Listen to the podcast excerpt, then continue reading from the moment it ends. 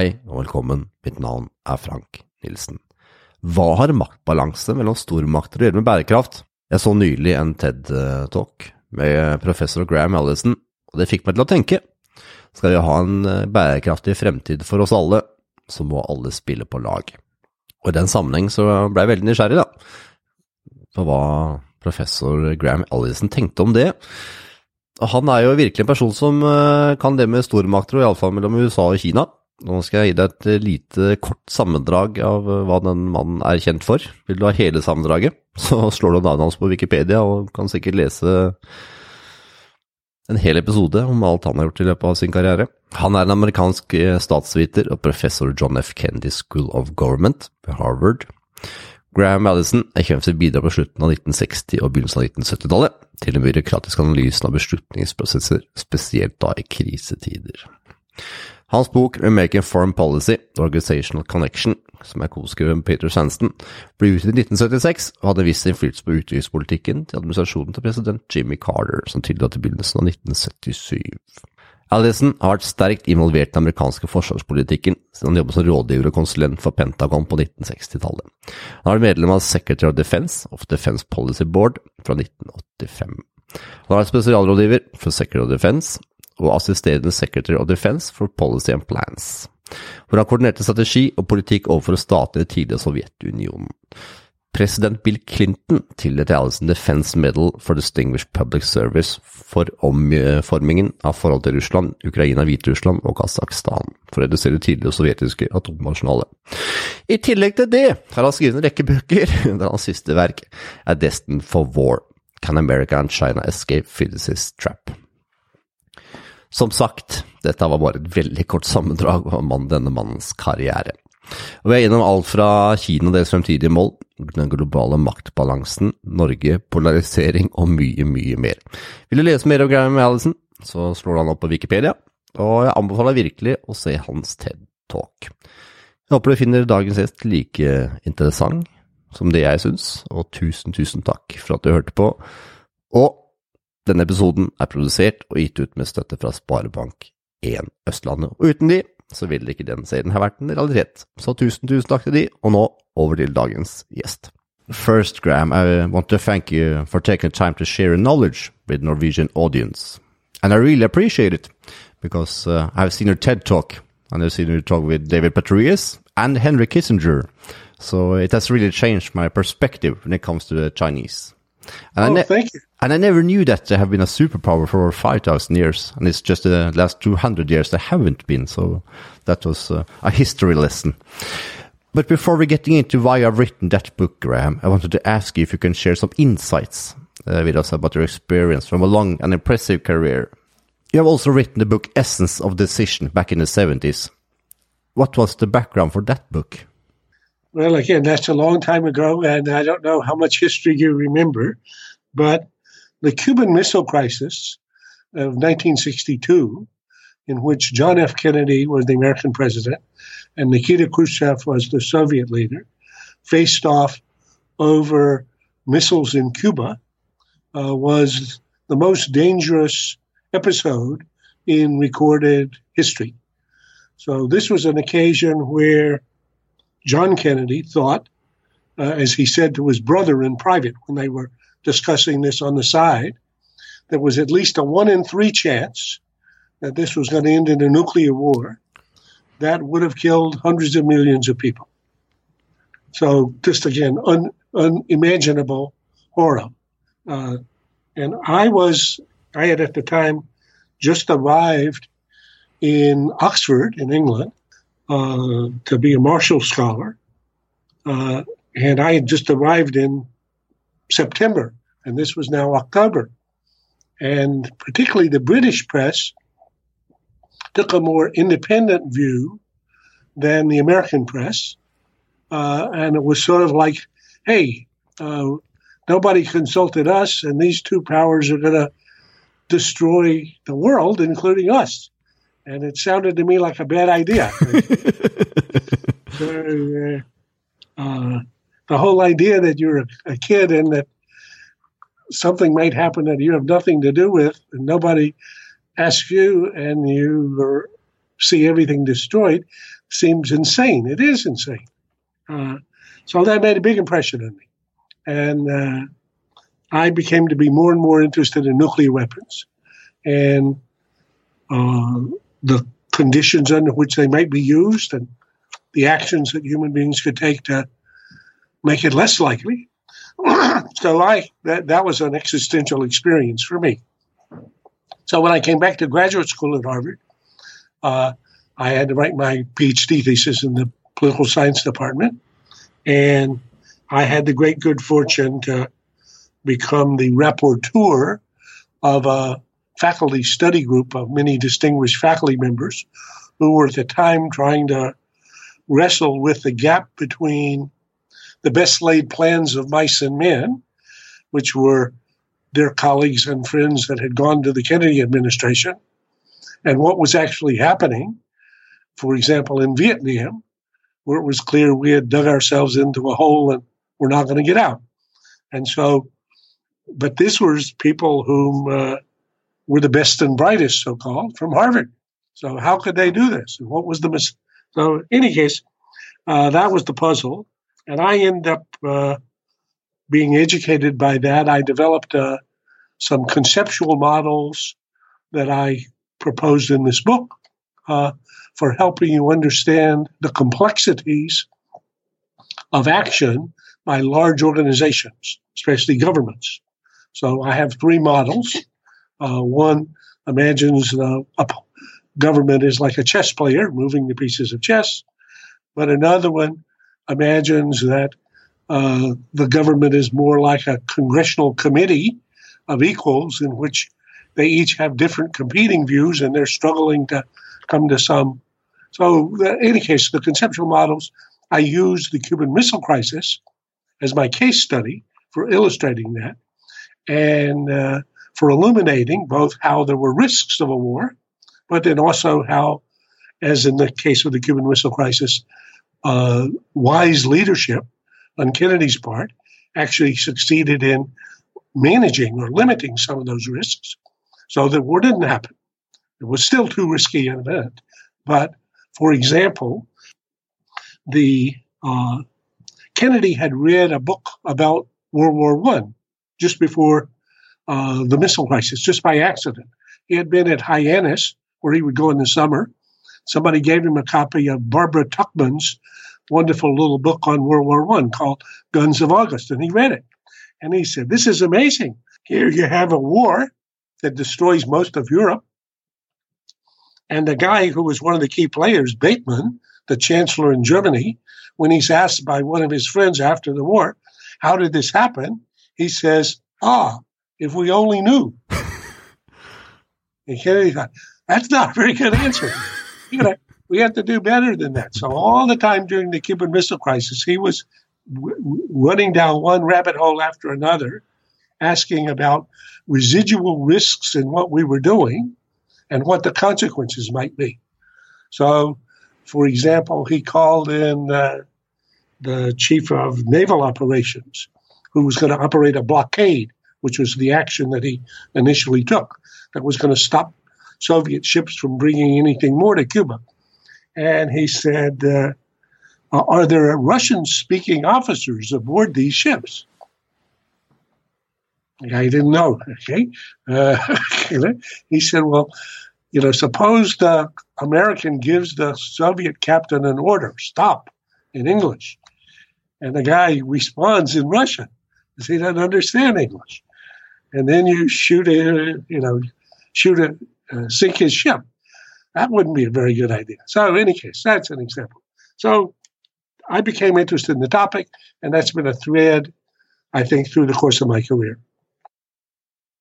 what was the reason that uh, they didn't uh, go into a full-out war? Well, how? Because if it, they said it was uh, one in a third piece, that is uh, a chance that it was going to be a nuclear war. What decisions did they do that uh, prevented it from not happening? Well, it's it's a long story, but I and there the book has got a lot of twists and turns in it. But at the very end of the crisis, uh, after Kennedy has imposed a blockade on further shipments, but that doesn't stop whatever's already arrived from being rushed to completion. and the Soviet troops there are about to have operational missiles with nuclear warheads that, if launched, could hit American targets. And Kennedy has said that's never going to happen. So now you come to the 12th of the 13 fateful days, and uh, the question is, uh, well, uh, what if Khrushchev doesn't stop and he just completes this? And then, if you attack the missiles once they've been completed, they might even launch while they're under attack. So that's a red line we're not going to let them cross. So Kennedy then proposes a secret deal to Khrushchev, which was secretly transmitted by his brother to the Soviet ambassador in Washington and then to Khrushchev, that consisted of three items. First, an ultimatum that said, you have to stop now and announce you're going to withdraw the missiles within 48 hours, or I'm going to attack them. So, an ultimatum, that very fierce.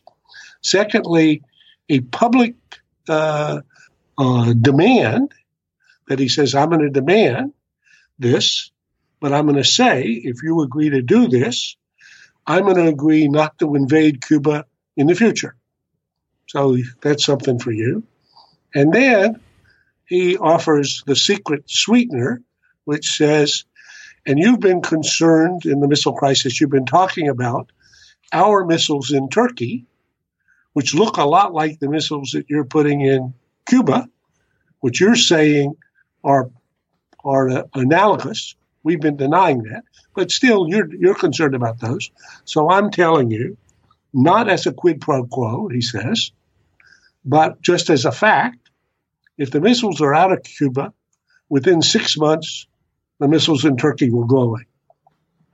So those three things came together, and in the end, Khrushchev accepted that deal, and the crisis was over. So that was a very inventive uh, move under extreme circumstances, ones that he wouldn't normally have done.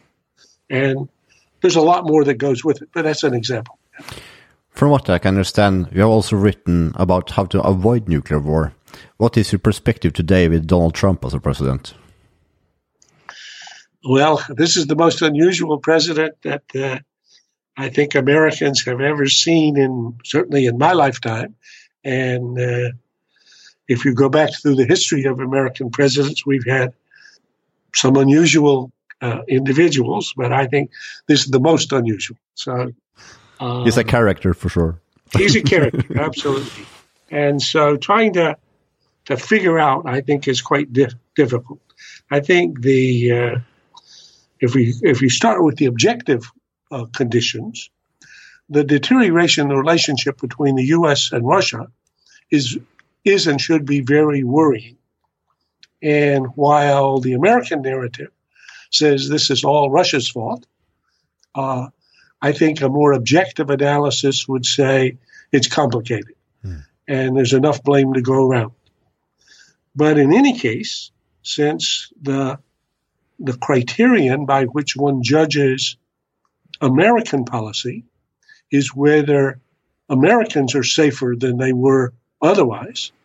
You would have to say that the policies of the Obama administration and the Bush administration before him, whatever their intention, did not succeed in terms of their consequences.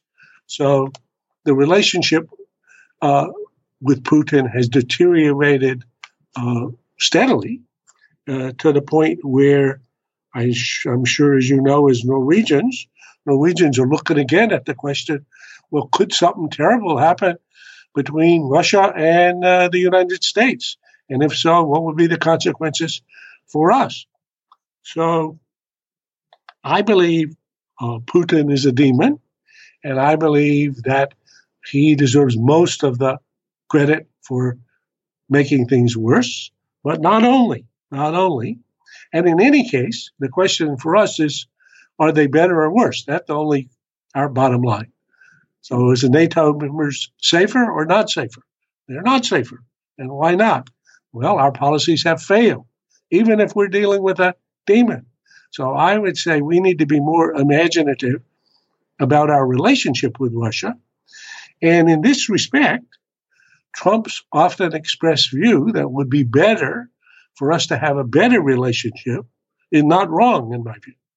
Now, unfortunately, in this case, it's mixed up with uh, Trump's uh, also inability to, or his, his strange sort of posture towards uh, what Russia did in the course of the election and its interference in an effort to try to defeat Hillary, which he keeps wanting to deny or half deny, but which is a fact. And so his inability to address that leaves everyone thinking there's some shadow here or some other part that's unexplored. And then that becomes very attractive as a target in American domestic politics. So for Democrats, this is as juicy a target as possible. So the whole Russia relationship in American politics has been caught, caught up in a poisonous combat between uh, uh, Democrats who are arguing there must be Trump collusion that somehow makes him illegitimate and maybe even impeachable, and uh, Trump who thinks if he were to recognize that the Russians did what they did, that would somehow validate the charge that he's illegitimate. Those are two separate propositions. I, I think he won the election, I suspect, legitimately. I do believe, I think if uh, the Russians uh, tried to interfere in the election to help defeat Hillary, I think that made some difference, but not enough difference to, uh, you know, tilt the outcome. And I, again, there's a lot of facts we don't know. So more and more and more will come out about this. Could conceivably come out that there's something more complicated than that, but I suspect that's where it is. So that's for the U.S. and uh, Russia.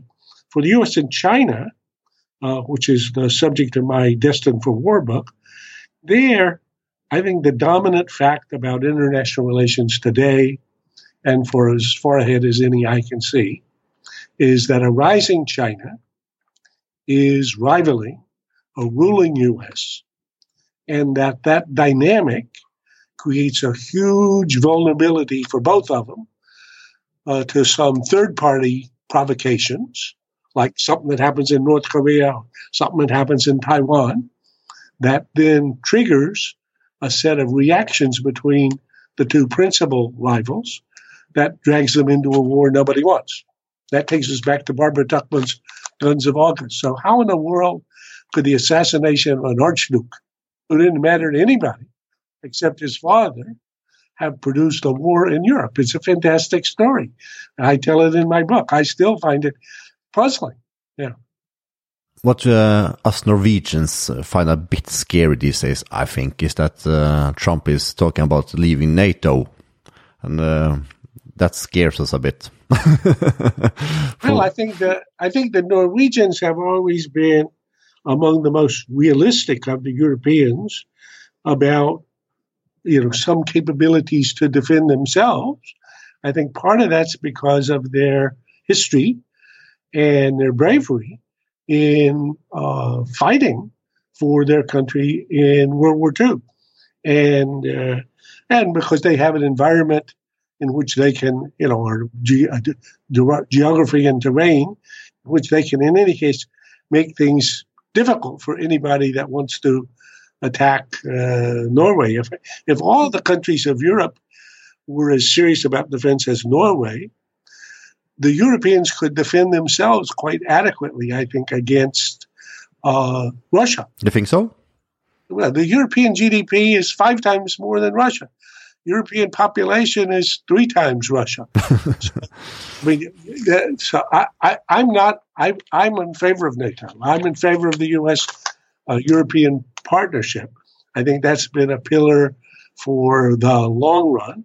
But I think that uh, Europeans should recognize that uh, they're as wealthy as Americans on average, uh, and that they have a, a larger GDP than uh, uh, uh, Russians by you know multiples, four or five times, and a larger population. They they're not really Europeans in the sense that there's no government, There's no central authority, and they have many of the participants who are basically uh, uh, confirmed uh, free riders, so not really interested or serious about defense. But I think Norway is a good uh, good counter to that, and uh, I am worried about NATO too, and worried about. I mean, the, I think what why the deterioration of U.S.-Russian relations is so dangerous is that now you hardly have any communication between U.S. and Russia. And if you want to, uh, the vice chairman of the Joint Chiefs of Staff, Selva, has a good line. He says, the surest way to promote misunderstandings between a husband and wife, between any two parties, is just to have no communication. For sure. so, uh, if you're going back to your book uh, here, Graham, I must uh, apologize. I'm going to try to uh, to take this word on, on the best way possible. The Sure. phys- the Thucydides trap. yeah. Uh, what is in it? English, in, in English, the the way that uh, again in in uh, Greek in, in ancient Greek it would have been pronounced quite differently. So there's no single pronunciation, but in English we call it Thucydides trap. Thucydides. So good. What is it, and why is it important that we know what it is? Well, Thucydides trap is the dangerous dynamic that occurs when a rising power threatens to displace a ruling power. So this idea, uh, I mean, the, the term I coined, but the, to make vivid an idea that was uh, earned for us by Thucydides. Thucydides was the founder and father of history, wrote the first ever history book. He wrote the history of the Peloponnesian War. So he wrote about the war that occurred in classical Greece that destroyed the two leading city states, Athens and Sparta.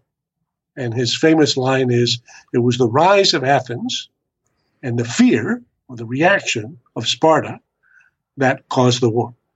So in my book, I look at the last 500 years of history and find 16 cases, one six, in which a rising power, like Germany in the beginning of the 20th century, threatens to displace a ruling power, like Great Britain, which had ruled the globe for 100 years. In 12 of those 16 cases, the outcome is war. In four of the cases, the outcome is not war. So to say that war between a rising China and a ruling U.S. is inevitable would be wrong on the record. Four of the 16 cases, no war. But to say that in this dynamic, more often than not, the outcome is war would be correct. And then Thucydides gives us a account of why that's the case. But to go back to the point we made earlier, in most instances, most of these 12 cases of war, and also the 13th case, that is Thucydides' case, 2,500 years ago, what caused the war, the principal cause of the war, uh, the, the, the, the, the proximate cause, was not, not the decision of the ruling power to attack the rising power, or of the rising power to attack the ruling power. Instead, it was some third party's provocation, like the assassination of an archduke, that led uh, his father, the emperor of the Austro-Hungarian Empire, to crack down on the Serbs, who were then supported by the Russians because they were both Orthodox, who were then supported by the French because they had developed an alliance, who were then supported by the British, who had an entente with the French. So, the from Britain's point of view, when the when the Archduke was assassinated in June 28, 1914, the British government hardly took notice. If you look and see what the Prime Minister did in the month of July, he spent more days fishing than he spent uh, uh, working. Uh, Churchill, who was at the time the first Lord of the Admiralty, so the Navy was the place that, where the war was going to be. He was focused on the Irish problem, nothing to do with the with the you know what was happening on the continent. So uh, the idea, the no, while it seems to make no sense logically that a third party's action that nobody wanted and nobody intended could lead two competitors into a spiral that drags them to a war they don't want. That seems stupid. It is stupid. It seems to make no sense. It makes no sense. But in history, it happens repeatedly. So I, I, the purpose of this book is not to prevent, to predict a war, not, is to prevent war by studying why wars occurred in these circumstances previously and asking what sensible statesmen today can do to prevent being dragged into a war they don't want. If China or the U.S. wants a war, obviously they can have it. And they can do this anytime. But everybody in the U.S. and everybody in China knows a war would be catastrophic for, for themselves. So nobody was going to initiate a war. But if Taiwan decides to try to become independent, and if Beijing is prepared to fight over that, which I believe it would be, and if the U.S. were to defend Taiwan, which we might, then you could have a war between the U.S. and China that the U.S. and China knew was crazy and that neither of them wanted, but neither could quite figure out, you know, w- what to do about it, and each was hoping the other would back down. The four times it did not become a war. What happened? That what uh, did the what uh, what the circumstances that? Uh... Well, each each of the cases is interestingly different. But two that are especially helpful for thinking about U.S. China today is first the rise of the U.S. Uh, from about the Civil War right through 1914, the first rival and then surpassed Britain. Uh, and secondly, the Cold War, which you'll remember, between the U.S. and the Soviet Union. So in the first case, uh, the uh, Americans GDP was about half of Britain's uh, in 1865, the end of the Civil War, was uh, more than equal by 1900, was uh, almost 30% bigger by 1914. So the U.S., because it had a much bigger population and whatever, just grew. And uh, the Brit- the Brits fa- faced two rivals at the same time the rising Americans and the rising Germans who were closer to home. So the British decided to accommodate the Americans in order to focus on the Germans. And they accommodated the Americans by basically uh, allowing the U.S. to have what it insisted upon as long as it didn't violate what Britain thought to be its vital interests. So in my book, I say they distinguish between their vital interests on the one hand and the vested interests, which were just the way things were, on the other. So vital for them was the empire, which included Canada. So they didn't want the Americans to take a bite of Canada, which Teddy Roosevelt was even interested in. But the British, being the dominant naval force in the Atlantic, they were prepared to back off. So they gave the Americans, uh, they, they accommodated. So that's that, that case. In the Cold War case, you basically had the development of a strategy for war. That's why it's called Cold War. But by all forms except bombs and bullets, killing each other, that's why it was cold. So basically, in the US Soviet competition, when the Soviets were thought to be soaring to surpass the US, so that was the belief that Kennedy in 1961 that the Soviets were going to surpass us economically.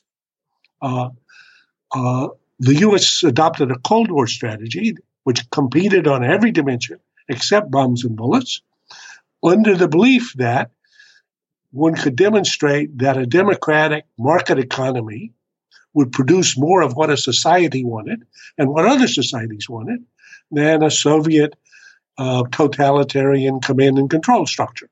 And lo and behold, that bet turned out to be a good one ultimately the Soviet Union was hollowed out and it collapsed. So that's another case where the outcome was no real war. From my perspective, it seems like uh, China have a longer perspective when they uh, are making the goals or decisions. This seems like they are thinking a hundred years instead of four years. so, uh, and that is from my understanding. It can be completely wrong. So, do you think uh, the Chinese will do anything uh, impulsive if they are that strategic over uh, a hundred years or so? No, I think you're. It's a good insight, uh, and uh, uh, there's nothing like looking at Chinese history and talking to Chinese who think about their history to think. you know, they think 50 years is a short time. Mm. I mean, Americans think 50 minutes is a long time. So, it's a very perspective. I have I have a good chapter in the book called Clash of Cultures, where basically one of the big differences is the time horizons. So the Chinese can take a longer time horizon, that's for sure. Americans like to solve problems today, you know, no longer than today. I'll forget about it. Uh, so, on the other hand, uh, the Chinese have some things that they are not prepared to compromise about. And if you look at the or read the, the uh, speech Xi Jinping gave uh, last year to the so called 19th Party Congress, in which he laid out China's plans for the next 40 years. So he said, here's what we're going to do. We have a goal for 2025, we have a goal for 2030, a goal for 2049. Uh, by 2025, by 2021, we're going to have double the GDP of of of uh, 2010. So they're going to achieve that. By 2025, we're going to dominate 10 uh, major industries in our own domestic sector: AI, robotics, driverless cars, uh, whatever. Uh, by 20 30, we're going to dominate AI. By 2040, by 2035, we're going to be the leader in innovation everywhere. And by 2049, which is the next, it's the 100th anniversary of the founding of uh, the, the, the People's Republic of China, it's going to have moved center stage and be the global leader. So that's his plan. And then they have a work plan to all that in. So you look at that and you say, well, uh-oh. and in that, we will have reincorporated all of the Chinese territories. So that's Hong Kong, Macau, and Taiwan. And they're very explicit Taiwan. So if Taiwan uh, wants to be a democratic, market based economy like it is today, and there's 23 million people living there relatively free, like a like a like a free country. I mean, they're a free country in every respect except they're not recognized as a country, and uh, they like that. They don't want to live in China. They're proud of China, you know, in terms of their ethnicity, but they think China is an authoritarian state that limits their freedoms. They're right, it does. And if it were to be incorporated, it would. They don't want that. So if they should try to become independent, which they may, China has said, without a doubt, we'll use every means, including military force, to prevent that. Well, we already saw this once when I was in the in the U.S. government as Assistant Secretary of Defense in 1996. The Taiwanese were making a move towards independence, and the Chinese said, "Forget about it." And in order to coerce them, they conducted a set of missile tests which had missiles landing on either side of the island, so bracketing it, so that shipping, which is a vital lifeline for the island, was closing down. And the Americans, at the time, because we were militarily much more superior, moved up two carrier task forces into the area and forced the Chinese to back down. And since that day, the Chinese have built up their military capabilities so that would never happen again. So now, if you moved a carrier to the place we did last in 96, it would be vulnerable to being sunk hmm. by the D 21 and D 26 missiles that China has deployed on its on its uh, territory. So there's an example of how nobody China could not win a war, but it couldn't walk away from, they say, and I believe them, Taiwan trying to splinter their own territory. So I have to ask you something, Graham, that I hope you can uh, share some insight with.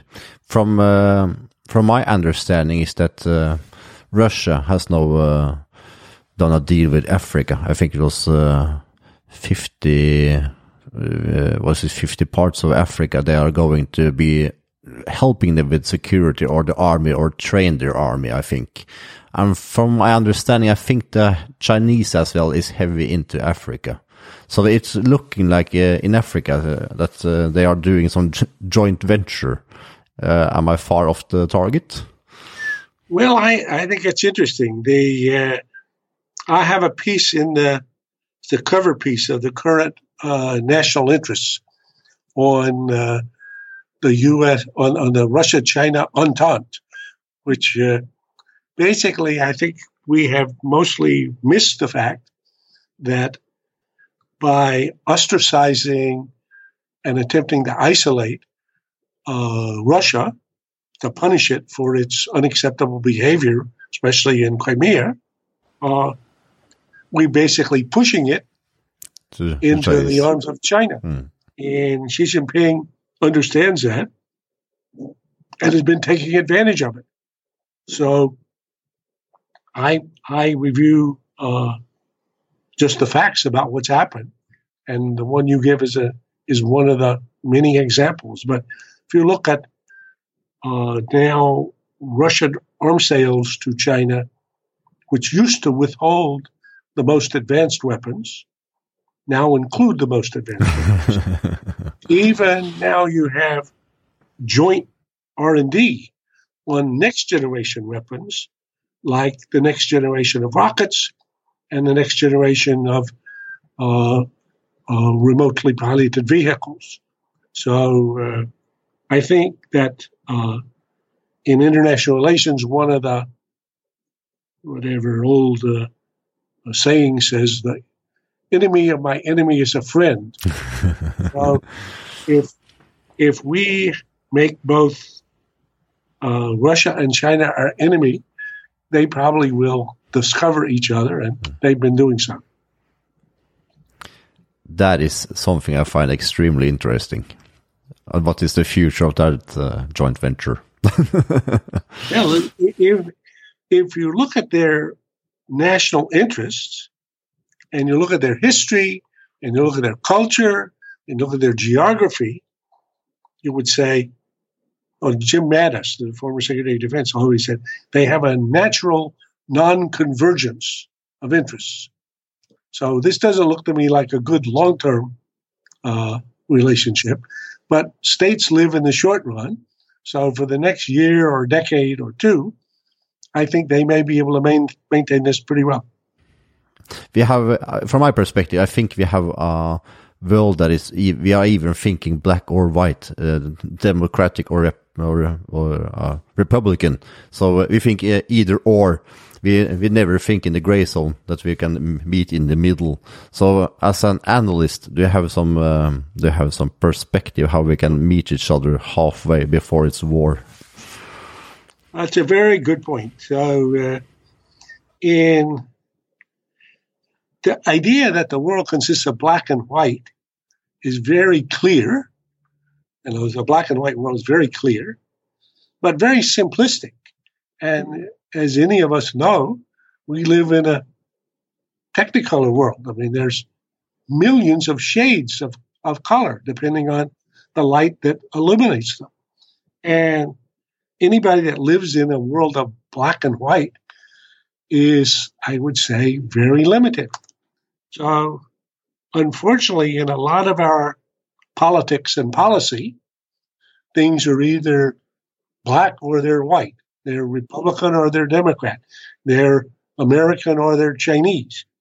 And I think uh, you're either my friend or you're my foe. That's it. Okay. I think that's simplistic and that what we need both in thinking about domestic politics and in, I mean, here in the U.S., but also in Europe. And I think uh, what we need in thinking about relations between the U.S. and China, the U.S. and Russia, is a more colorful picture. So John Kennedy, after having lived through the missile crisis, uh, began to think about what he had done. And he thought, wait a minute, we just about killed hundreds of millions of people. What have we done? Uh, and he and his brother would talk about this, Bobby, who was his attorney general. They were both Catholics.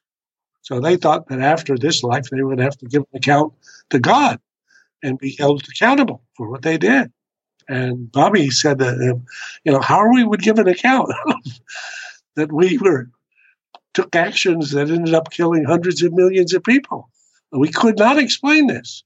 Uh, and uh, so he gave then a famous speech. So if you haven't read it or seen it, it's worth to look at. It was at the American University for commencement in June 1963, just a few months before he was assassinated.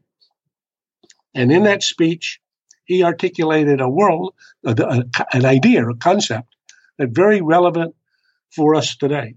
He said, he said, we have to recognize that because confrontations like the one we just lived through could have produced a war that would have killed all of us, in spite of the fact that the Soviet Union is evil, I still believe it's evil, in spite of the fact that a free democracy is the right way for human beings to be governed, I believe that deeply.